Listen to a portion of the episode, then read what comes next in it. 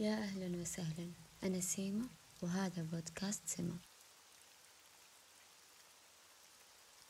نتخطى الأيام الصعبة علينا أو بالأصح نتهرب منها بالنوم. نتهرب من صراعات النفس الداخلية من عمق أفكارنا المتعبة لنا نفسيا وجسديا. أسوأ ما في الشخص إنه ما يواجه مشاعر اللي تستؤذيه ما يعترف لنفسه بأنه هو متعب بأنه ما يواجه صعوباته تحت مسمى كل شيء مع الوقت سينسى. بالحقيقة أنك لن تنسى شعور الألم سوف يبقى في أعماق قلبك وسيأتي شيء من الممكن أن يكون تافه أم لا وستفرغ هذه المشاعر في الوقت الغلط للأشخاص الغلط. مثل جملة قرأتها المشاعر غير المعبر عنها لا تموت أبدا إنها دفنت حية وستظهر لاحقا بطرق أبشع. وهذه بحد ذاتها مشكلة ولازم على الشخص السيطرة عليها. لكن بكل صدق كل شيء في هذه الدنيا له سلبياته وإيجابياته. فضغوطاتنا وحزننا له جانب إيجابي مثل ما إنه له سلبياته.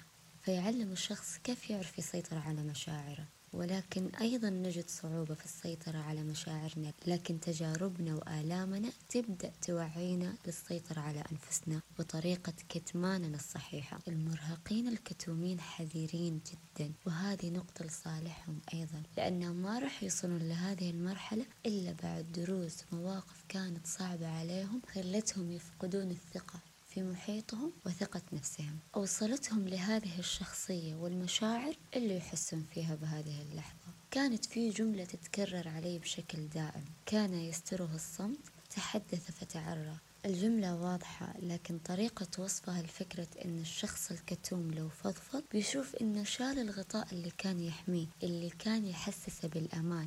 وهذا يعتبر أكيد شيء مو بصالحة فدائما الأشخاص هؤلاء يفكرون بالكتمان والتخطي أو التجاهل بعدة طرق على الأغلب تكون مؤذية لهم بشكل كبير لكن دون وعي منهم يشوفونها الأنسب والأصح بأن التخطي في بعض الأمور يعتبر نعمة وراحة بال لك لأن مو أي موضوع أو موقف يحصل يستاهل أني أعطيه من تفكير وطاقتي وتحس بمشاعر سيئة تكون طاغية على كل أحاسيسك.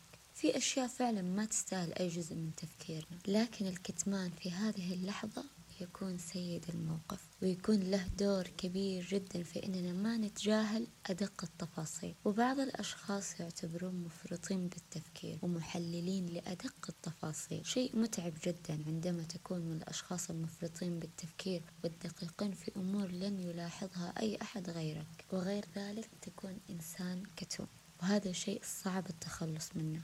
وأقول هالشي وأنا واحدة من هؤلاء الأشخاص اللي يعانون من فرط التفكير. للأسف فكرة إن الشخص يجي يقول لا تقدر تتحكم بأفكارك لا تقدر تتخطى فكرة التفكير المفرط هذا شيء جدا صعب التخلص منه. أنا صح قلت إن الكتمان يعلم كيف نسيطر على مشاعرنا وعلى تفكيرنا لكن دائما الإنسان الكتوم المفرط في التفكير يهزم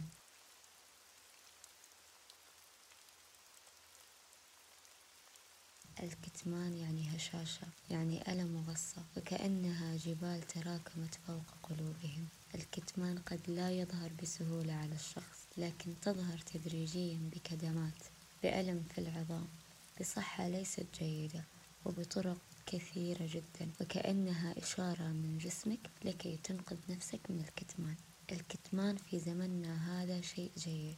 في جهة معينة فقط بأنك تحمي نفسك من ابتزاز الناس لك في يوم من الأيام. لأنك لا تعلم من معك اليوم ومن ضدك غدا فتحافظ على نفسك وعلى سرك لنفسك. فمن هنا تكون فائدة الكتمان لا غير لكن من جهات أخرى الكتمان شيء مؤذي جدا. فلا بد أن تعرف الطريقة الصحيحة التي يمكنك أن تفرغ فيها كتمانك وبالطريقة الصحيحة التي ترضي الله أولا وأخيرا. هذه قاعدة أساسية لا بد من وضعها في أي قرار. ممكن نتخذه بأننا نفعل هذا الشيء بالطريقة التي ترضي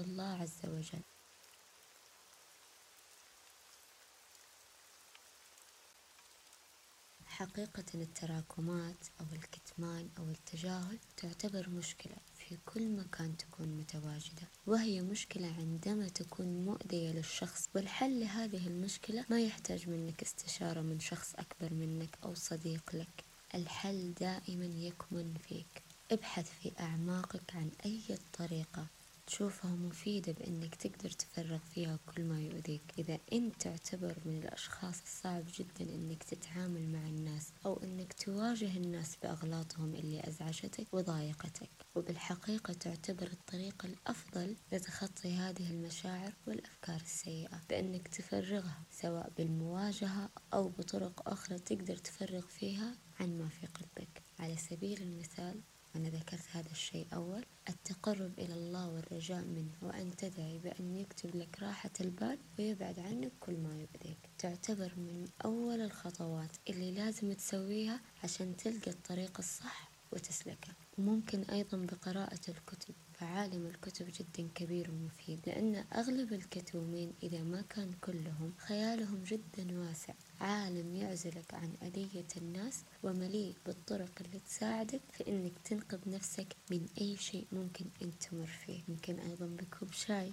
أو قهوة تضع فيه كل مشاعرك وهناك أمثلة وحلول لا تعد ولا تحصى. بس اللي عليك إنك تبحث بداخلك عن الشيء اللي يخفف عنك ويسعدك. قال أحدهم إن الكتمان لا يؤلم ثم بكى. إلى اللقاء.